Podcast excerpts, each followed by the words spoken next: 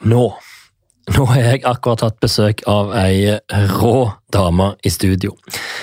Jeg er nesten litt uh, satt ut.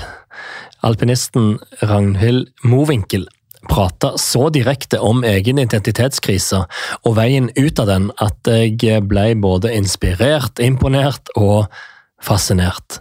For to år før hun tok to OL-sølv i Pyeongchang, var det rett og slett et være eller ikke være for karrieren hennes. Og nå ble det heldigvis være. Før årene etter har blitt etterfulgt av nye smeller, som hun også snakker om, og nå er på vei opp igjen fra. Jeg tror rett og slett vi alle har mye å lære av dagens episode, som kommer nå.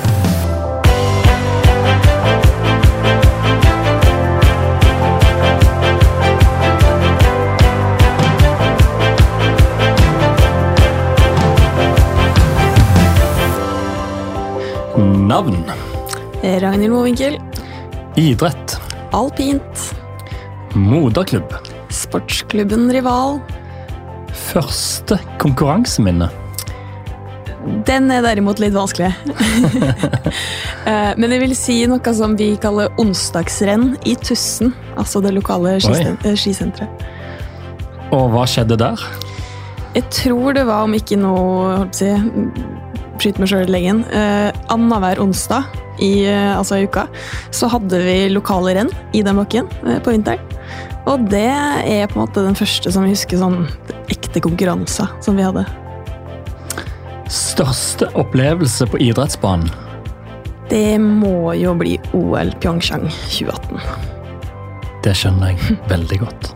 Velkommen til våre vinnere, Ragnhild Mowinckel. Takk, takk. Så hyggelig å ha deg her. Onsdagsrenn i Tussen. Ja. Det hørtes veldig hyggelig ut. Du, det var veldig hyggelig. Eh, Det er sånn superfin, eller mange fine minner derfra, men det var jo selvfølgelig også da en dugnad, egentlig, fra alle foreldre og frivillige i klubben, som eh, da også varta opp med saft og vafler. Så det var jo også så god stemning som du kan få det til hver, liksom, annenhver onsdag da, i, i Tussen. Eh, Der det var like gøy å være der for vaflene som det var for å konkurrere. Ja, Så ble det jo selvfølgelig mer og mer konkurranse etter hvert, og kanskje mindre og mindre vafler. Det høres, høres jo ut som et sånn smellvakkert bilde av grasrota i norsk idrett. Ja, er det ikke det? Altså, jeg syns de har vært fantastisk flinke i det. Altså, du, får, du får alt som kommer, enten om det er vafler og sosiale hygge, eller om det er rein og skjær idrettslig og sportslig. Så for meg, så Altså, det, det er fine minner jeg har fra den tida der. Hvor mye tror du det betyr å ha sånne minner i starten av et idrettsliv? Jeg tror det setter altså det preger og setter farge på veldig mye av det du forbinder med idretten fra en tidlig alder. Um, For min del også så var jo leik og moro og ting skulle ikke bli så veldig seriøst fra starten av. eh, Som bidrar jo da til at den, den eh, tida når du da hadde onsdagstrening, var fantastisk fin. Det var en gode minner, mye gode vafler, mye, mye sosialt og eh, Ja, fi, ei fin tid, altså. Du smiler når du snakker om det. Ja. Eh, og det ser ut som du smiler nå, og det ser ut som du har det bra. Hvordan, hvordan går det med Ragnhild Mowinckel sommeren 2021? Du, det går bra, takk som spør. Eh, Det går bedre og bedre hele tida. Nå er jeg jo etter, eh, ja, per definisjon friskmeldt. Det er jo deilig, det er en stund siden sist. Eh, Og kne går det bedre og bedre med, og merker det i hverdag også like mye som trening, at det kan være med på mer, gjøre mer. Det lover veldig godt for vinteren. Så nå er jeg veldig ja, positiv, optimistisk. Du tar, ta kortversjonen av Du, du, er, du peiler inn på dette med, med, med knærne. Altså, eh, hva er grunnen til at du sier at det går bedre? Hva er det det går bedre ifra? Nei, det er for dem som har fulgt alpint, eller i hvert fall i den sportsverdenen, så har jeg jo to korsbåndskader bak meg. Eh, trøblete sånn sett med at eh, jeg fikk én eh, korsbåndskade på renn i 2019, i mars. Åtte måneder senere så ryker samme kne på nytt. Begynner hele prosessen på nytt. Og det er jo da en ni til tolv måneders rehab i hver og en av dem. Og så gitt at ting går knirkefritt, og det gjør det jo ikke alltid, så har det vært en litt trøblete vei tilbake. Men uh, nå går det altså bra, og det er jeg mest fornøyd med. Det vil jeg tro. Og dette er skader som kommer i en periode av karrieren der det går veldig bra. Ja. Du er du har tatt to sølv i OL, du har tatt medalje i VM, og så ryker kneet i verdenscupavslutningen. Mm. Ja. Og så begynner det. Og, og, hvordan er det for en utøver som, er, som på en måte seiler i medvind? Jeg vil jo si, og det har jeg jo sagt tidligere, at jeg føler meg heldig. Selv om det høres rart ut, men jeg føler meg heldig som da har opplevd suksess før det her skjedde. Um, Mest av den grunn at da veit de på en måte mer hva som kreves for å komme tilbake igjen dit. Men også hadde da ikke opplevd, ikke opplevd suksess på den måten, så tror jeg nok at veien tilbake hadde blitt mye mer usikker for min del. Jeg veit ikke hvor nærme man var for å slå igjennom, veit ikke hva som kreves av meg for å slå igjennom. Eh, mens når det skjedde, så, så var jeg mer sånn greit, der var det min tur. Og det er jo for så vidt en mentalitet jeg føler vi har relativt, eh, i hvert fall på Eh, på laget at du veit du kommer til å bli skada en gang. Sånn, den risikoen vi kjører med hver dag, er der konstant, så du veit at det er bare et tidsspørsmål, egentlig. Um, og når det da smalt der, så tenkte jeg at greit, da var det min tur. Der, der kom den ja, store skaden som du står nesten og venter på. Da. Eh, eller i hvert fall du har akseptert, for det er jo ikke det at du står og tenker konsekvenser hele tida av det du driver med, men du veit at det ligger i kortet at det kan komme. Og når den der skjedde da, så var det jo selvfølgelig utrolig bittert og surt og trist og alt mulig, men jeg føler også at som idrettsutøver så har du en relativt uh, god eller grei innstilling til det, i hvert fall å skifte uh, tankesett. Og du tilpasser deg ganske fort nye situasjoner. Så når du la, lå deg på båre nesten og var på vei ned i, i skipatrulje, sjukestua og sånn sett, så, så, var det sånn ok, hvor lang tid tar det her nå? Hvor, da er det hent, plukke opp alle gamle tanker fra du har snakka med andre med korsbåndskade eller andre ting. for du tenke at ok, det her kommer til å ta tid. Det kjente man ganske fort. Men ehm, ja, du bare Ok, hvor lang tid er det snakk om? Ok, nå må jeg hjem, så må jeg sikkert trene på sånn og sånn og sånn. Altså, du, altså, du skifter om ekstremt fort. Så det, det syns jeg var en, for så vidt en, en, kul ting, men eh, det er jo en, hele situasjonen er jo ganske bitter. Det er jo ingenting med det. Du sier du skifter om ganske fort, og du sier at det, det er noe en må forvente som toppidrettsutøver. Og samtidig så er det veldig mange andre på laget som har opplevd det samme. Men hvordan var det å plutselig stå i det sjøl? Ja, det er jo selvfølgelig utfordrende. Det er jo. Det er utfordrende i form av at du veit at noe snus hele din verden på hodet. Um, alt det du er vant til, din vanlige rutiner og vaner, og nå, nå skal alt bli nytt, egentlig. Men til tross for det, så er det jo den derre, ja, som vi sa i sted, den, den innstillinga du har til at nå veit jeg at det forandres, men nå må jeg også på en måte uh, bare skifte tankesett, og så skal jeg gjøre på en måte, jeg skal gjøre det samme. Jeg skal jo trene hver dag, jeg skal gå gjennom ting som er for så vidt kjent for meg. Um, men du veit bare ikke helt hva du går til, og så har du den evige greia som henger over det, at blir det nok en gang bra igjen? Det, kommer det til å bli stor forskjell når du kommer tilbake på ski? Kommer du helt til å komme tilbake på ski? Er det, det er jo masse spørsmål, og det er kanskje nesten sammenfatta, foruten om tålmodighet, da, som var kanskje det største problemet eller største utfordringa man hadde, så, så, var det kanskje det. Alle spørsmåla, all usikkerheten som du sitter med hver dag. For det, du, du, har aldri vært i denne situasjonen før. Eh, skal kneet kjennes sånn? Er det her vanlig? Skal det gjøre så vondt? Skal det her gå som det gjør nå? Ligger ute? Ligger ikke ute? Det er, my, det er mye spørsmål som, som kommer opp, da. Kommer de mørke tankene? Ja. og hvor fort kommer de, og hva dreier de seg om? Um, sånn sett så vil jeg si at måte, fra min første skade til min andre skade, så er de litt forskjellige i mitt hode. Første skade er mer den der 'greit, der kom den'. Nå, da følte jeg at jeg klarte å Foruten den tida akkurat når du skader det og gi det et par dager, så går det på en måte greit. Runde to den var jo også uforventa og i den forstand at jeg kjente ikke at det skjedde. Så den kom jo ut av det blå. At uh, ja, man sitter her, og så er det en, en lege og en fysio som står foran deg og sier du, du har røket korsbåndet på nytt, du. Der du ikke har noen Altså, dunker du tåa di i bordet, så får du vondt. Så du skjønner at au, her har skjedd noe. Mm. Men når du bare sitter der og ikke har vondt i tåa di, og noen sier du, den er brekt, så får du litt sånn hæ? Hæ? Nei, det er ikke sant. Mm. Uh, så det var mer sånn sjokkgreier, og da er det jo den derre den verste tida der var jo gitt den uka fra jeg fikk vite om det, til du skal operere. For da står du kun og venter på at livet ditt skal fortsette. Og da, da er det mye mørkt som, som dukker opp. For den, for den gangen nummer to Det er jo den jeg tenker som kanskje er den ultimate testen. altså, du får den første som setter i gang en liksom din første store rehabilitering. Mm.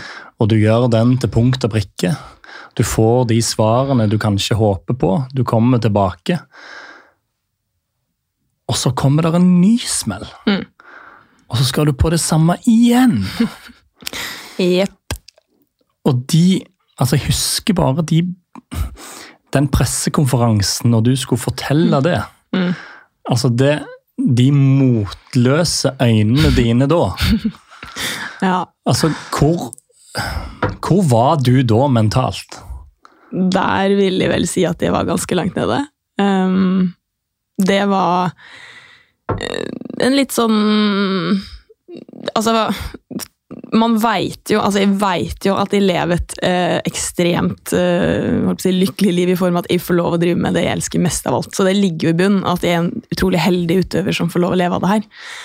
Og så er det jo sånn sett eh, en luksusting jeg kan gjøre. Så du på en måte Hvis man skal prøve å stikke en finger i jorda og være litt realistisk i det, så skjønner du på en måte at ja, jeg er fortsatt heldig som får lov å drive med det her, og jeg får lov å trene meg opp alt det der, men akkurat i det øyeblikket så er det jo på en måte det jeg er. Jeg er en alpinist, og jeg lever av kroppen min, og det her er jobben min, og det her er jeg brenner for. Og så er det noen som da, eller noen, eh, kroppen min, sier det her kan du ikke, kan du ikke gjøre. Eh, så det er jo på en måte, sånn som for så vidt også sagt før, at det er idretten som da lukker døra på meg, og det er ikke mitt valg. Det er ikke mitt valg at de stopper nå. Ja. Um, og det var, ganske, det var, ganske, tøft, og det var jeg ikke klar for. Um, og så er det jo første smell, greit. Andre smell, da må du begynne å tenke om. Um, og så er det jo selvfølgelig som med alle andre med skada, du, har, du pensjoneres jo relativt tidlig i en eh, toppidrettsbransje, i hvert fall med det vi driver med. Så du, jo, du, er jo nærmere og nærmere det enn det du er i starten, så det blir jo mange andre spørsmål som melder seg. Men der så var det jo også på en måte om du så hadde de kjipeste tankene og gidder det her på nytt, og skal jeg gå gjennom det en gang til, og alle dem der. Det, det melder seg jo, men så samtidig så føler jeg jo at det var ikke veldig mye som forandra seg fra første gang jeg skada meg til andre gang, i form av at ja, men jeg trodde jo at jeg kunne komme tilbake. Det var jo derfor jeg, jeg tok hele rehaben. Så mm. Ja, ok, da er det én til! og så selvfølgelig kommer det jo da det med det fys, ja, fysiologiske, og kan i det, rett og slett, med, med det kneet jeg sitter igjen med. Det er jo selvfølgelig da heldigvis ikke som skal avgjøre heller. Um, men til sjuende og sist så er det jo mitt valg, da. Ville ta den risikoen? Um, selvfølgelig, med å ha skada det én gang, så øker du jo betraktelig risikoen for å skade det på nytt. Det fikk jeg jo oppleve, i og med at det mm. skjedde på nytt. Um, og så er jo ikke den risikoen da mindre eller en eventuelt tredje gang. Men uh, der måtte du selvfølgelig gå noen runder med deg sjøl og skjønne måte, og akseptere, for det er jo det du må. Uh, akseptere at jeg er villig til å ta den risikoen på nytt. Og når du da Pros and cons og prøver å putte litt logikk inn i der, så er jeg fortsatt Ja, det er jeg villig til å ta den risikoen. Og jeg er jo glad for det nå, på en måte. Uh, det er jo Ja, selv om det har vært en en tøff sesong å komme tilbake til forrige sesong, så, så jeg fortsatt jeg, jeg, tror nok jeg ser på alpint litt annerledes nå, på hvor heldig jeg er som får lov å prøve på nytt. Ja, Hvordan da? Jeg, har, jeg får jo litt den der følelsen at jeg har fått en sjanse til. Um, det er jo mange som ikke kan komme tilbake etter større skader. Og der føler jeg at jeg er i hvert fall så heldig at jeg kan det. Um, og så er jeg jo på en måte Jeg lever jo den troa at jeg tror jeg kan komme tilbake på det nivået var, om ikke bedre. For det er jo derfor jeg gidder. gidder å ta hele den her eh, på nytt. Men hadde jeg hadde ikke tenkt det, så tror jeg nok jeg hadde pakka sakene mine og sagt takk og farvel og this is it for me. Men jeg tror jo det at jeg kan bli bedre igjen. Og det er jo det jeg også innledningsvis mente med at jeg har opplevd suksess før. Ja. Så for meg så føles ikke den veien så vanvittig lang til å komme tilbake der. Det handler mer om om vi får til det jeg skal få til. En sånn type smell en test på den indre drivkraften din? Ja, det vil jeg si. Um, på en måte så føler du også at um, det å fortsette med det her, det å møte opp på trening hver dag, eller gjøre de utrolig kjedelige rehab-øvelsene, eller i hele tatt, det er jo en, sånn sett en trygg ramme for meg. For det er jo en ramme jeg har vært i før i form av trening, og møte opp på Olympiatoppen og se de samme folka, og se folka som veit er der for det og hjelper deg, og det er jo en trygg ramme å være i. Um, så på en måte tanken også på noe annet er jo selvfølgelig også mye skumlere enn å være i den bobla. Men det er jo ikke bare det i seg sjøl, kun den tryggheten på det som gjør at du orker å møte opp hver dag. Der må du jo ha et visst driv inn i det til å, til å måtte gjøre den jobben. Da, for det er, det er nok mer kjipe dager i en rehab-prosess enn det er gode dager. Um, og for å helt tatt møte opp og ja, gjøre den jobben som kreves av det, så føler jeg at uh, da går det på, på den indre motivasjonen, at den drivkrafta er der for at jeg skal komme tilbake igjen. da. For det er liksom ikke Det handler ikke mye om um, rehab-øvelser på onsdagsrennet på Tussen. Det er liksom ikke det som er oppi dagen der. sant?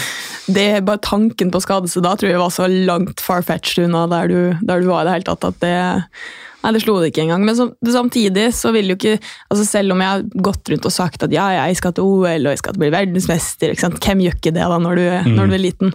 Men, men det på en måte å faktisk kunne si at nå ble ikke, jeg har ikke blitt verdensmester, men jeg har liksom vært i OL og tatt medalje der, og det har jo selvfølgelig vært en drøm. Men det er ganske lang vei derfra til å stå der. Og, og da er jo på en måte uansett nå, så kan jeg sitte godt i stolen og være utrolig stolt over det jeg har fått til. Ja. Og det er en ganske deilig følelse. Det har alltid vært en sånn ja, om ikke, i hvert fall i vår familie, det er at man må leve livet sånn at når man sitter på gamlehjemmet og skal fortelle om det, så er du greit fornøyd å sitte der med et stort smil om munnen, for du, du har gjort det du, du har gjort det du har enten lyst til, eller fått til det du har lyst til, eller du skal i hvert fall ha et liv å fortelle om. da. Og der føler jeg at det gjør i hvert fall en, en god innsats for å kunne sitte på gamlehjemmet og, og snakke om det. Apropos innsats og mentalitet, var det sånn at det, altså, dagen etter den pressekonferansen med de øynene jeg beskrev, så var du på treningsrommet? Kanskje ikke dagen etter der. Nei. Trengte Det- litt tid? Man trenger tid, man Ja. gjør det. Um, det blir jo en sånn håpløs situasjon, og si den uvissheten man satt med første runde, det var jo på en måte, kall det litt borte nå, for nå visste du jo akkurat hva du gikk til. Uh, og det var jo litt håpløst det òg, for det var ikke ja, Noen ganger så vil jeg si at ignorance og bliss, andre ganger på ingen mulig måte. Og der visste du jo for så vidt hva du skulle gå gjennom. Men så har man jo lært òg, da. Man har lært av første gang man går gjennom ting, hva, på en måte, what to do, what not to do. Så jeg føler jo på en måte at eh, oppbyggingsprosess del to, da, den var jo kanskje, om du kan si, litt mer konkret og rett på sak ut ifra det man lærte runde én. Og det er jo en fin ting. Da endelig kicker erfaringa inn med at det her funka og det her funka ikke, og så har du prøvd og feila litt. Og så har du funnet en, om ikke suksessoppskrift, så har du i hvert fall funnet noe som funker. For oss eh, som ikke er, har gjort det du har gjort, og ødelagt kneet to ganger og vært igjennom to sånne prosesser, sånn helt i korte trekk, hva handler en sånn rehabiliteringsrunde om? I korte trekk så vil jeg si det handler om tålmodighet, Ja. kjedelig arbeid og små gleder. I korte trekk. Små gleder. Små Hva legger du i det? Da legger jeg i om um, er ja, igjen fra det fysiologiske til at eh, man ser på enten bilder eller sjekka eller kliniske sjekka at du, det her ser bra ut. Det, nå har det gått så og så lang tid, og alt er i rute. Så det er jo glede. Eh, til å få til noe nytt på treninga. Få, til å, få lov til å gjøre andre ting, for så vidt. Alt fra å kaste krykkene til, eh, til å få lov å gå første gang på nytt. Um, så små gleder der, til uh, selvfølgelig å få komme i skistøvelen på nytt. Komme tilbake og kjøre løype første gang. Det er, små, det er små ting, men det betyr så mye. Og det er det som også da fyrer opp. Det blir som å putte litt, litt planker på bålet for at eh, det er det her man har lyst til en gang til.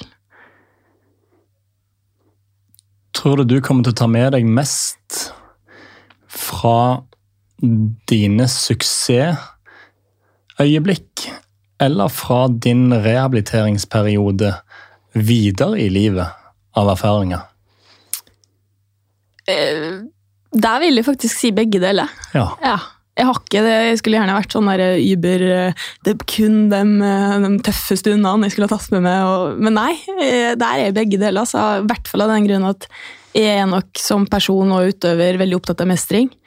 Og enten om det er mestring i form av komme gjennom drit, rett og slett, eller komme tilbake fra skade, eller komme gjennom, finne ut hva som funker for meg, eller hva enn det skal være, så er det like mye at de øyeblikkene når du da får det til, at den mestringa som er der, det utgjør all grunn til å fortsette med det her. Og det er de øyeblikkene du lever og brenner for, for du har lyst til å oppleve dem på nytt. De er så vanvittig intense, da. Men så er de jo fort ferdige òg. Men av den grunn så Alt det andre du driver med, leder liksom bare opp til å få en slags utløsning på at du Ja, fy søren, ass. Det er det her jeg har jobba for. Det er det her. Det er ikke dette øyeblikket, enten om du ser grønne tall på tavla, eller du har fått til noe som du har slitt vanvittig mye med på å få til på trening, eller hva enn, da. Så veit du at det her leder jo bare opp til en enda større mestringsfølelse.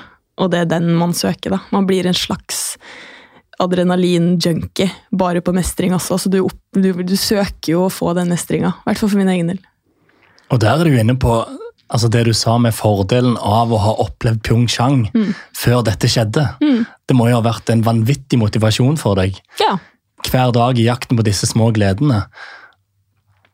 For at de i sum da ville da der framme igjen skape den euforien. Helt, ja, ja, helt klart. Og det er jo, altså, om ikke det er kun OL eller kun VM eller uh, vinne verdenscup, det er ikke kun det man lever for heller, men det er på en måte hele prosessen bak det. For meg har betydd så mye, og det er der jeg har lært. Da. De største tingene har jeg lært underveis, og ikke i øyeblikket der alt klaffer. Det er mer at alle puslebitene passer, for en gangs skyld. og ikke Det er jo på en måte den læringa som er vanvittig kul på veien nå, at jeg har lært meg sjøl å kjenne såpass godt at jeg klarer å nå trykke kanskje på de riktige knappene som gjør at det går bra til slutt, holdt på å si, i et renn eller i, i et mesterskap. Um, og det er jo en vanvittig kul greie å få lov å bli kjent med seg sjøl på en sånn måte. Så der føler jeg meg heldig. Har du alltid vært en person som har jaga den uh, seieren? Det å bli en, en vinner. Var du det fra et tidlig stadie i Molde? Mm, det er et godt spørsmål. Jeg har jo alltid hatt konkurranseinstinkt, og i hvert fall når jeg var mindre. Det føler jeg dabba litt mer av til eldre jeg har blitt. Eh, men det Ja, hvordan da? Nei, altså, når jeg var yngre, så var det ikke sant, der kunne nesten broren min stå og si 'ta tida på det i nettbutikken hvis du kjøper det for meg'. Jeg bare, ja, ja, spring, eh, ta tida. Ikke sant? Den, det, var, det var i alt, da. Eh, uansett hva det skulle være, så skulle jeg på en måte være best, eller måte, jeg skulle få det til på den beste måten jeg fikk det til. Og gjorde det, så var jeg jo grisfornøyd og gikk derfra og smilte. Men hvis jeg ikke fikk det til, så skapte det en sånn derre nå må jeg skjerpe meg, nå må jeg gjøre det bedre. Jeg må få det til bedre neste gang. Og det har jo ikke sikkert ligget i bånn, men så merker jeg også at eh, den konkurranse, det konkurranseinstinktet jeg nå har, er nok mer og mer eh, forbeholdt alpint. Jeg tror ikke jeg er så veldig konkurranselysten i alt annet nå lenger. Det er en ting som jeg, Om jeg ikke har vokst det fra meg, så føler jeg i hvert fall at jeg har nok konkurranse i hverdagen ellers. Så ja, det er kanskje en stor, en stor skille. At eh, det konkurranseinstinktet var nok mye sterkere når jeg var yngre. Hvordan var, hvordan var idrettsoppveksten din i Molde? Um, Prega av veldig mye leik og moro. Eh, Jeg spilte også fotball fram til jeg var 15 og starta på skigymnas. Måtte legge dem fotballskoa på hylla. men, eh, men jeg syntes jo det var kjempegøy, og jeg syntes jo det var gøy å holde på med noe hele tida. Så, eh, sånn sett. Så jeg var jo veldig aktiv, jeg var jo med på mye. Men det var ikke så veldig mye seriøst før, før jeg blei eldre, for så vidt. Og det tror jeg nok er nødt til å være for mitt vedkommende. Eh, Hadde det vært for seriøst for tidlig, så hadde jeg nok slutta mye før. Um, for for meg så er det leik og moro. Det er jo fortsatt, om ikke leik og moro du driver med i dag, så er det i hvert fall en glede man har av det. Den idrettsgleden som gir meg også grunn til å, til å sitte her og fortsette når jeg er nærmere 30 og driver med det her. Mm. Så det er jo en glede i bunnen der, og en glede for det jeg driver med. Um, og den har nok vært der fra jeg var liten. Um, som selvfølgelig går opp og ned, dem òg, i bølgedaler, men uh, i bunn og grunn så er- finner man som regel alltid en glede der. Og den, uh, det å holde livet, eller uh, holde ilden i gang på det man gjør nå. Men du var jo verdens beste alpinist som junior. Ja, Og, og, og du måtte nesten tenke. Du var det.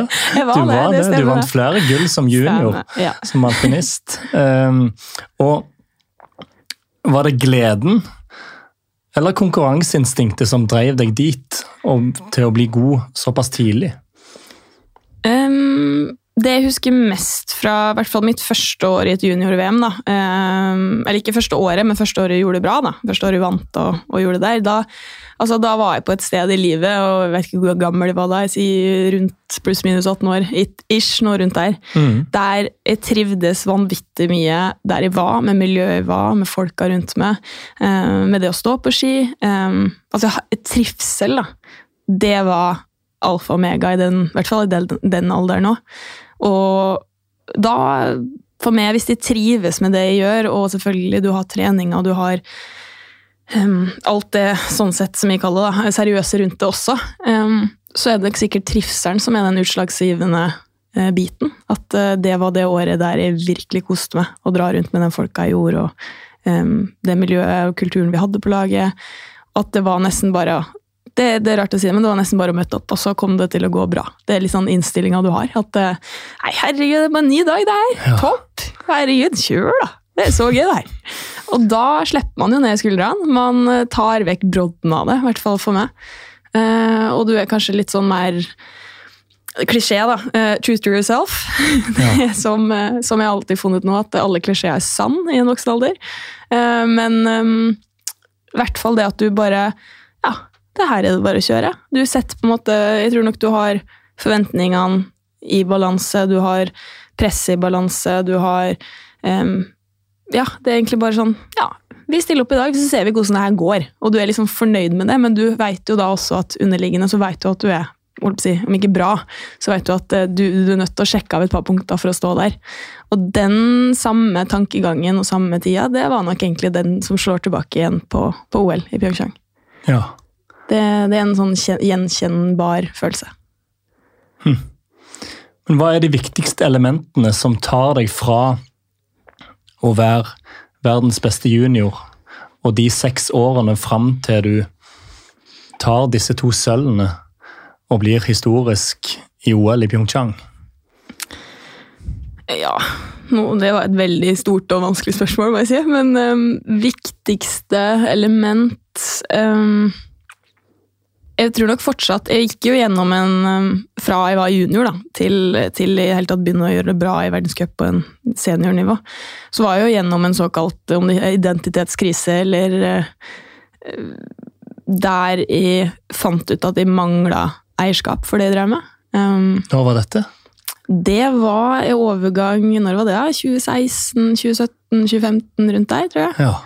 Um, der du egentlig kommer fram til at, måte, at du, prøver å, du prøver å bli noe du ikke er, du prøver å høre på alle andre, du prøver å um, be alle andre rundt om oppskrifta. Gi meg egentlig oppskrifta på å bli best i verden, så skal jeg bare følge den slavisk, og så forventer jeg da å være der. på en måte. Så du legger jo da ansvaret på din egen utvikling i hendene til alle andre rundt deg. Um, av god tro og god tanke, for så vidt, men eh, det funker jo sjelden bra. Legge, ta og drive med en kraftig ansvarsfraskrivelse. Så det er jo sånne type ting som du merker at det Det har jo vært avgjørende for at du klarte å på en måte plukke sammen trådene igjen og finne ut hvorfor du driver med det her, og at man gjør det for seg sjøl og ingen andre. og du må begynne å tro på dine på en måte, sånn sett, egne veier, men i hvert fall ikke å bare stå der med hendene i været og bare 'hallo, bare si hva jeg skal gjøre', og så, og så gjør jeg det, altså. Eh, for det funker jo sjelden bra. Så du måtte finne tilbake eierskapet. Men hvem klarte å få deg ut av den identitetskrisa? Du, det, det vil si en lag prosess. Ja. det, er ikke, det er ikke bare meg. Eh, samtidig så var det jo jeg som måtte komme til et punkt der jeg også bare Ok, sånn jeg holdt på nå, det gidder ikke mer. Så nå må jeg enten ta grep, eller så sier jeg takk og farvel. For det her orker ikke. Um, og da er det jo en stor prosess, for så vidt, som blir satt i gang, og det er, jo, er vi glad for i dag. Men eh, det er jo alt fra trenere, støtteapparat, um, ja, foreldre, Uh, og så kommer jo da um, Arne Jørstad Riise, idrettspsykolog på Olympiatoppen inn. Vi jeg kom jo inn der og sprutgrin i starten, for det her er jo ting som har bygd seg opp over tid. da. Um, og så er det vel egentlig han som hjelper meg å organisere tankene og ja, prøve å egentlig sette ting Det er jo en- som regel når ting si, brenner på dass, så er det jo som Ja. regel fordi det er kaos. Og det er, man veit ikke hva man føler, man veit bare at det her funker ikke. Og så er det den prosessen i å rydde opp i det. Hva skjer? Hvorfor skjer det? Hva er grunnen bak der? Hvorfor sitter du her og griner? Hva er Og når du da begynner å pirke og grave, så kommer man som regel fram til noe, da. Og det Det Ja. Det måtte til, da, rett og slett. Men hvor lenge hadde den plata stått på kok, da? Den hadde stått altfor lenge. Det er jo som regel det at eh, du blir jo sånn som jeg sa tidligere også, med at man er jo veldig tilpasningsdyktig. Så selv om den, brat, den plata der står og brenner, så ja, ok, jeg prøver å ikke ta på den så mye, da. Eller du prøver på en måte istedenfor Ja. å bare skjønne at nei, den her må av. Den skal ikke stå der og putre lenger. Um, så det var jo det å måtte ja, mye frustrasjon over kanskje lengre tid, som jeg heller ikke hadde klart å sette ord på. Ikke funnet ut hva var for noe. Det var mm, konstant små måtte grus i skoa som lå der og lagde sår, da. Og den ble jo dypere og dypere, inntil man virkelig må fram med skittentøyet og se hva har vi her, egentlig.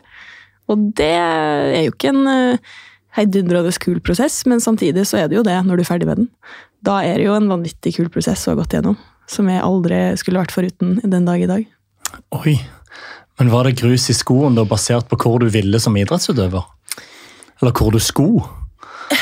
jeg tror nok kanskje forventningene til det jeg trodde, fordi jeg, jeg var jo flink pike. Jeg fulgte jo programmer, jeg fulgte jo slavisk hva man skulle gjøre. Jeg hørte på folk på sånn her, bli best, da må du trene mest, da må du stå mest på ski, da må du ditt, datt, du må være sterkest på barmark, du må ikke sant? Det var jo så mye, mye sånne krav da, som ble satt, som jeg skulle da sjekke av overalt. Og da føler du at du ikke strekker til på noe, for så vidt. Og i og med at jeg har snakka her veldig mye om mestring er viktig for meg, så Ja. blir det jo mindre mestring. Ja. Um, og da er det jo også at uh, man har så på en måte lite troa på seg sjøl, men så mye mer troa på alle andre at de skal vise veien til suksess. da. Så vet jeg at uh, jeg tror nok jeg heller så på det som at ja, I har jo aldri blitt best i verden, så hva veit vel I om å skulle bli det? Det er jo heller se på trenere som har hatt utøvere som har blitt best i verden, eller eh, støtteapparat rundt der som har veldig mange kloke meninger. Og, og så skal du begynne å samle sammen alt det her, og det blir jo bare en mølje, for du veit jo ikke hvor du står hen i midten av det her. Og det å da finne ut hva, men hva tror I på, da? Hva er det I tror på av det her? Og det betyr ikke at du ikke skal bruke trener eller støtteapparat eller ikke dele tankene dine, men jeg tror nok jeg var jo sånn sett stum som en østers eh, i en tidlig junior barndoms eh, alder i forhold til det å prate om ting og hva jeg følte og hva jeg trodde, eller hva, hva tenker du om teknikk, eller Så var jeg ganske stum, for jeg var redd for å ta feil. Men så skjønte du at det å lufte de tankene var ikke så farlig, det heller, og så handla det om min forståelse for det jeg drev med. da. Og den eh, var jo egentlig ganske laber. Den var ganske dårlig. Så jeg måtte jo da forstå litt mer. Eh, og så er det jo kanskje den tøffeste der var å bare innrømme det. For du har mye heller lyst til å ikke ta feil enn det å prøve å ta rett. Ja, Hva var den viktigste innrømmelsen der, da? Jeg tror nok mye var gjort bare med å begynne å åpne meg, kanskje, på hva jeg satt med av enten følelser eller tanker eller spørsmål, eller bare det å åpne den slusa. Ja. Så nå kan jeg jo snakke veldig mye, og vi kan snakke mye, mye rundt, og sånn, men Ja. der og da så var jeg så redd for at det jeg følte var feil, eller det jeg trodde var feil. At jeg vil ikke si noe høyt. At hvis um, Konkrete eksempler, hvis du står i bakken og en trener begynner å snakke om en, en arbeidsoppgave, eller her må du gjøre sånn og sånn, så står du der og nikker, for det er jo begrep som du for så vidt forstår, men samtidig så gjør du jo ikke det, fordi du kan ikke bare gå dit og gjøre det der. Det, det fungerer jo ikke, for du klarer ikke å få de pusle, puslespillbitene til å falle på plass. Og så er det det å da heller si du, det her skjønner ikke hva du mener med det her, egentlig. Og da har du brukt samme begrep i flere år, så plutselig en vakker dag så skal du bare Du, hva mener du egentlig når du sier stå der, eller senk skuldra der, eller du, her må du ha meg i rom, hva du mener med det? Og det var en ganske sånn ja, Du følte at du bare skjønner du ingenting, du, eller? Og det, det var en sånn tøff uh, innrømmelse. Var du redd for å i hermetegn framstå dum? Mm. Helt klart. Eh, dum og uvitende og ja, ganske mye som selvfølgelig, når du da sitter igjen med et lukka hode og tanker for deg sjøl, ikke alltid et godt tegn. For da er det mye verre enn det egentlig er, selvfølgelig. Um, men når du da begynte å spørre og ikke ble møtt med Fy søren, så dust du er. men heller ok, ja, men da må vi finne ut av det her. Da må vi finne en måte som gjør at du forstår det. Eh, det hadde jo alt å si for min del. Da merka jeg det var jo ikke så skummelt å, å, si ting lenger. Men det er jo det å sitte med tanker sjøl og ikke lufte dem som er den største fallgruva. Eh, I hvert fall for min del der, istedenfor å bare si dem. Og så får man enten et svar eller lagt en frase, eller slutt å gnage, da. Hm. Så veien til disse sølvmedaljene i Pyeongchang det starta egentlig med å gjøre den sprutgråten om mm. til et slags rasjonale. Ja. Og få deg inn på et annet spor. Ja, rett og slett. Og for meg, jeg, jo, jeg har sagt det før, og for så vidt at for meg så handler det veldig om å, å ta tilbake kontrollen av megautvikling. Og ta tilbake førersetet og, og, ta tilbake eierskapet. da. Ja. Um, det, og som sagt, det, det, det, betyr ikke at jeg veit best sjøl, det er ikke det det går på, men det betyr i hvert fall at jeg må i hvert fall gjøre det til det språket man brakte. Jeg er nødt til å, å, få det på en måte som gjør at jeg skjønner det. da. Og ofte så satt jeg jo med gode tanker sjøl, men jeg, hadde, jeg, klarte ikke å sette ord på dem. For det, du har, du, det er veldig ofte at du enten føler at ok, det her er feil, eller øh, er, du skjønner at du ikke helt skjønner, men du prøver jo, på en måte. Men det å da klare å du, nå skjønner jeg ikke det her. Ok, vent da, vi må begynne på nytt, for det her blir bare kluss for meg. Det her klarer ikke å sette ut i livet. Til å man kaller det nesten begynne på nytt, da. Og da kommer du da med Ok, for jeg tenker jo sånn her og sånn her og sånn her. Så får du heller da søke bekreftelse, eller er du enig i det? Eller tenke riktig da? Og si dem tankene høyt. Det skapte jo en større forstørrelse for min del òg. Og da begynte jo ting å da begynte jo på en måte at ok, nå, nå er jeg inne på noe. Den her er riktig vei. Nå føler jeg at det går framover. Eller hvis de kommer med en idé, og så setter de den ut i livet, og så ser man at det går bedre. Så skaper jo det igjen mestring. Og da er det i gang. Hm. Du bruker uttrykket 'flink pike'. Mm. Tror du at dette, som du beskriver nå for deg sjøl, er et større problem blant jenter i idretten enn gutter? For å ikke være altfor generaliserende, så ja.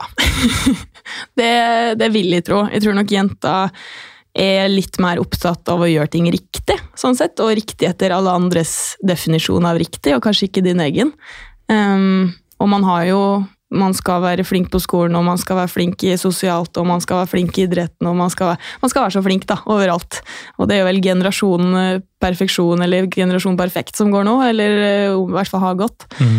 Og det er jo mye av det som gjør at det er høye krav. Enten om det er idrett eller skole eller sosialt, så er det jo høye krav på at du skal være den kuleste, og du skal ha best karakterer, og du skal ha best i idretten din. Og menneskelig så er jo det grusomt vanskelig. Eh, men at du, du, du, føler at du skal dekke over flere, flere og egentlig for mange sider med livet.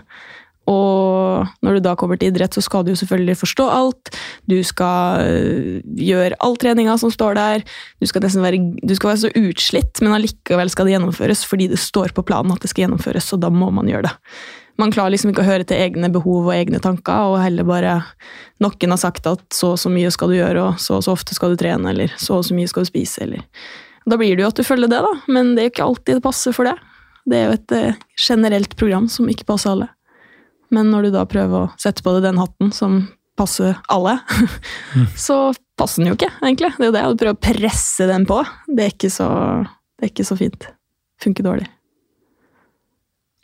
Så åpenhet rundt det du beskriver nå, kan være avgjørende Både for en karriere og for å, å holde utøver i idretten. For du, det virker nesten som at du var i et være eller ikke være-øyeblikk. Hmm, det stemmer jo. Um, det kommer jo til det punktet at uh, det, Og det er også mye frustrasjon der òg, av den grunn at ja, men nå har jeg hørt på alle. Jeg har hørt på alle råda, jeg har hørt på ditt og datt, og, men jeg har ikke blitt best i verden, så hæ? Det er nesten en sånn derre eh, sjuk realisering på at her veit ikke andre hvordan å få meg best heller. og så står man i det begge to og bare rives i håret og bare hæ? Um, og da, for meg så var det jo litt mer sånn ok, hvem gjør jeg det for? da? Gjør jeg det for at alle trenere eller foreldre eller venner eller dem skal være fornøyd? Eller er det fordi jeg skal være fornøyd med det jeg driver med? For det er jo tross alt jeg som skal dra opp på breen hver morgen, og jeg som skal trene barmark, og det er jeg som skal ut og løpe. og alt det som kommer med det som ikke er alltid bare rosenrødt. Det er mye kjipe dager der òg, men det er jo jeg som skal gjennomføre dem. Så da trenger jeg i hvert fall i motivasjon for å gjøre det. Og så trenger jeg da en grunn og en tro på at det jeg gjør, er det som kommer til å ta meg til toppen. Og når jeg skal begynne med ting som ikke jeg tror på, og gjennomføre det, så detter jo motivasjonen ganske kraftig ganske mye. Og når du da holder på det over lengre tid, så tærer det jo på. Og da, i mitt hode, er det ikke rart at man da kommer til et vei, veiskille der du bare gidder det her lenger. For det her verken blir det beste i verden, eller så syns du det er gøy å holde på lenger. Så gidd i det her. Og da ble det nei. nei fra meg, og så Ok, da må vi gjøre noe tiltak. Da må vi begynne, begynne på nytt. Fy søren. Men hvilken balanse, hvilket eierskap reiste du til Sør-Korea med i 2018? Da følte jeg at uh, da eide jeg meg sjøl og mine egne meninger og mine egne eh, Nei, da, da, var jeg i førersetet. Ja. Uh, og da, som jeg tidligere nevnte også, med trivsel, da var trivselen der. Da var Jeg hadde troa på det jeg putte, eller jeg blei kasta i, holdt på å si. Et, uh, det er jo også en viktig del av det som er at før selve OL så hadde jo en min beste sesong hittil uh, i min karriere. Sånn at jeg var jo på en oppadstigende kurve. Mm. Selvfølgelig bringer det selvtillit og troa og, og, mestring. Og om jeg tror nok det siste storslalåmrennet jeg var med på, så fikk jeg pallplass, og jeg var like før jeg vant med noen hundredeler. Altså, det var, det var altså bare Livet, livet smilte om dagen, da, for mm. å si det sånn. Og når du da kommer, det da kommer et OL inn i det, så var det jo altså praise the lord, og du, du følte deg bare ekstremt heldig, for når du er på en sånn, sånn såkalt flytbølge, da, så føler du at du er unbeatable og kast hva som helst mot meg, og jeg kommer til å deale med det. Jeg kommer til å, ja, kommer til å klare det. da. Så da var det egentlig bare jeg lurer på hvordan det her går, i rein og skjær spenning på at fy søren, ass. Jeg skal gi gasset, og jeg tror det kan gå bra, men hvor bra går det? Og det er jo kanskje den diggeste følelsen du kan sitte med. Og blir den følelsen enda diggere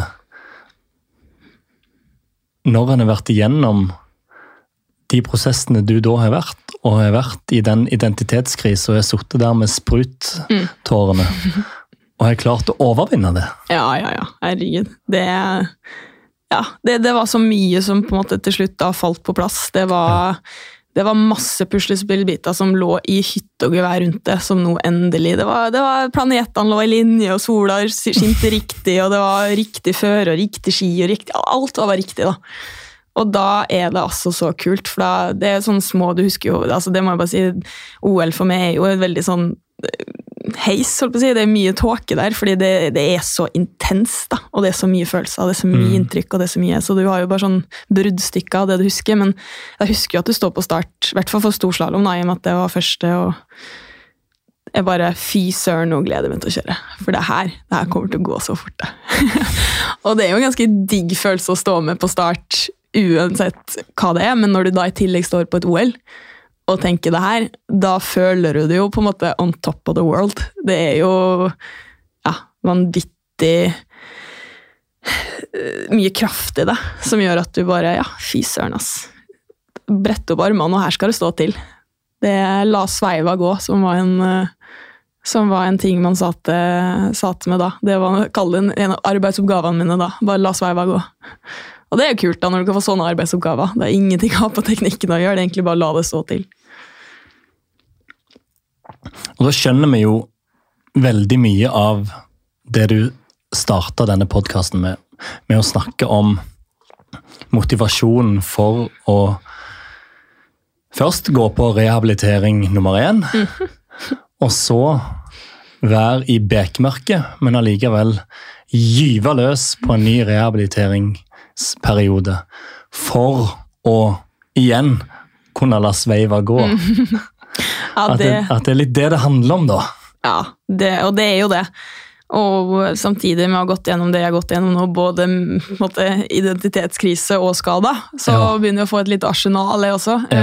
Eh, Men jeg tror jo det fortsatt, og det hadde jo ikke sittet her for så vidt og, og sagt alt det her, med mindre jeg virkelig trodde at ja, men det her kommer jo til å skje igjen. Eh, For jeg har jo den innstillinga at det her er jo fullt mulig å, å oppnå på nytt. Kanskje den største sånn antiklimakset med å gjøre det kjempebra på ski. Og når du går til å vinne ditt første verdenscup og ta medalje og alt det, det var jo det, det høres rart ut, men det var bare sånn Hæ, var det så lett?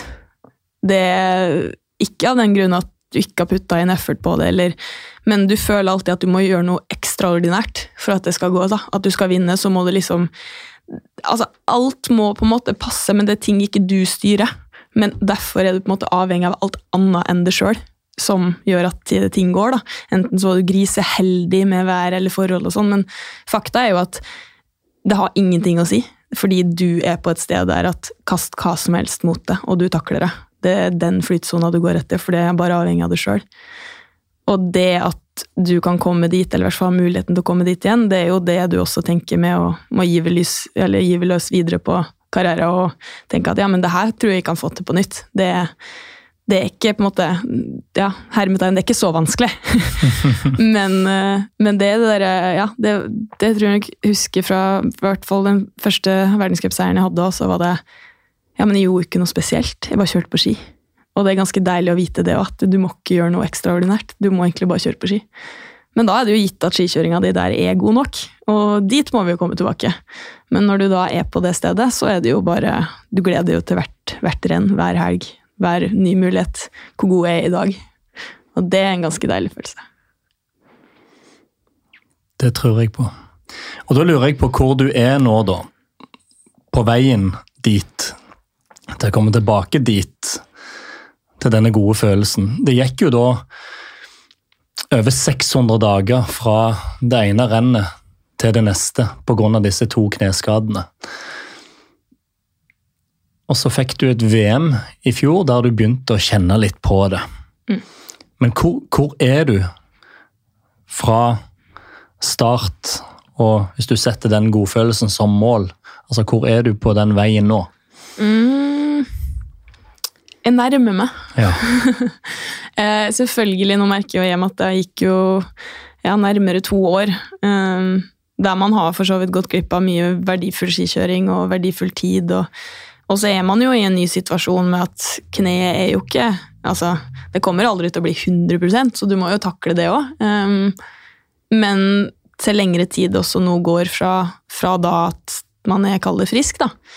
Så til mindre begynner man å tenke på kneet, og til mer begynner de endringene og forandringene man har gjort på ski i form av tilrettelegging for det kneet, til å bli mindre og mindre noe man tenker på.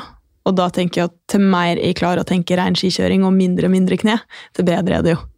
Um, så jeg mangler jo selvfølgelig litt på teknikken, og jeg mangler litt på å tørre å stå til, for det, det er en det, det har jo kommet en sperre på det kneet, at det, oi, det enkelte vinkler ikke skal være i, eller oi, det er farlig, eller Så det er jo en trygghet som må bygges opp, og den blir jo ikke bygd opp over natta. Så det er jo egentlig det jeg har følt den sesongen som var, og jeg måtte finne ut av det. da, Jeg måtte finne ut hva er, hva er man villig til, for så vidt, og hva kan jeg gjøre, hva kan jeg ikke gjøre, hva er begrensningene mine. Um, tøffe forhold, så merker jeg at det er jo kanskje det som tærer mest av eh, både risikovillighet og konsekvenstenkning og alt annet. Eh, Men på en annen side så fikk du jo små glimt der innimellom, enten om det var ja, i Cortina i VM der skikjøringa begynner å bli såpass bra igjen og begynner å ligne meg sjøl, rett og slett. Eh, og så er det på en måte den siste biten der det går ikke helt inn. Det går, det går langt, men vi er ikke helt der at som tidligere nevnt, at eh, kast hva som helst på meg, og det går bra. Vi er ikke der enda. Men eh, jeg vil jo si at jeg begynner å nærme meg av Det er liksom ikke så mye som skal til. Det er bare å finne de siste små stegene som gjør at For du var jo topp ti nå. Jeg var topp ti, ja. Ja. Og det gikk jo veldig bra fram til slutten der òg, når I dreit, dreit på draget. jeg si. Så, men det er deilig å kunne si at nå er det mer skikjøringa jeg kan ta det på, for det er også den jeg er vant til å endre på. på en måte. Ikke at de må tilrettelegge det for kneet. Eh, og det er digg når det er skikjøringa det går på, for det er det jeg har lyst til å forbedre. da. Eh, Kneet får jeg på en måte ikke gjort så veldig mye med, med mer enn det jeg har gjort, som jeg har trent opp igjen. men jeg tror jo at den, den skikjøringa som jeg har vist tidligere og kan vise til, den ligger jo der ganske latent. Den må bare komme ut igjen, og jeg må finne riktig tankemåte.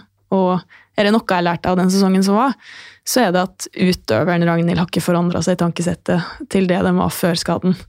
Um, men at jeg tror nok jeg har levd litt etter at jeg har den. Så det måtte jeg også finne ut. Så nesten en sånn semi-identitetskrise på nytt. Men jeg føler at jeg skjønte litt mer nå, så nå handler det om den siste lille biten. Ligger forholdene til rette for at Ragnhild Mowinckel skal reise til OL den kommende vinteren i den samme kontrollen som forrige OL? Det er jo det man håper på. Det er jo helt klart det man håper på. Um, så heldigvis så kommer det jo en, en verdenscupsesong før den tid, og selvfølgelig um, Jeg veit at jeg kan, uh, kan trekke noe opp av hatten når det kommer til mesterskap, og jeg veit at jeg heldigvis har den egenskapen, men uh, jeg håper jo mest av alt at en sesong som kommer nå, er oppbyggende og positiv i den for at jeg begynner å nærme meg enda mer for hvert renn. da. For hvis man har den tryggheten og man ser det at for hvert renn som kommer, så har man ja, man er på riktig vei, da man nærmer seg mer og mer, og man har den tryggheten og selvtilliten, så er det jo bare sånn som sist. da. Det er flaks at, at OL kommer når den kommer. Um, for da er man allerede på en oppadgående kurge, kur, eh, kurve som kan ta det helt, helt til toppen. da. Og det satser på. Så det er hvert renn, hvert renn hele veien fram til OL som også betyr noe. Eh, Men helst da for å bygge den selvtilliten man trenger for å komme inn der. Etter å ha hørt alt dette, så blir det utrolig spennende å følge. Ja, Rett og slett. ja. Tusen takk for en eh, fantastisk prat. Takk i like måte. Takk for at vi fikk komme. Veldig hyggelig. Veldig trivelig.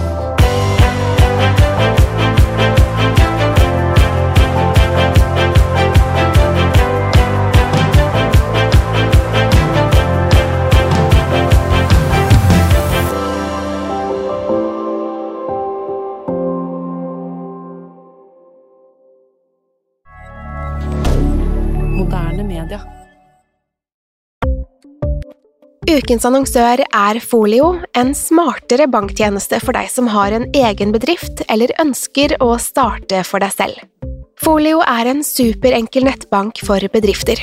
Som kunde i Folio får du en bedriftskonto med et bedriftskort og app. I denne appen er det smarte løsninger som forenkler regnskapet ditt, uansett om du har en liten bedrift eller et enkeltpersonsforetak.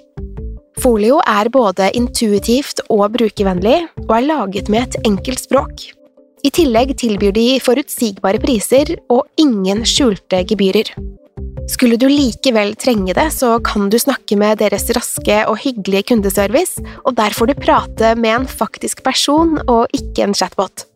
Folio er med andre ord både enklere og koseligere enn banken. Over 10 000 bedrifter har allerede valgt Folio som sin banktjeneste, så besøk folio.no og se hvordan Folio kan forenkle din hverdag også.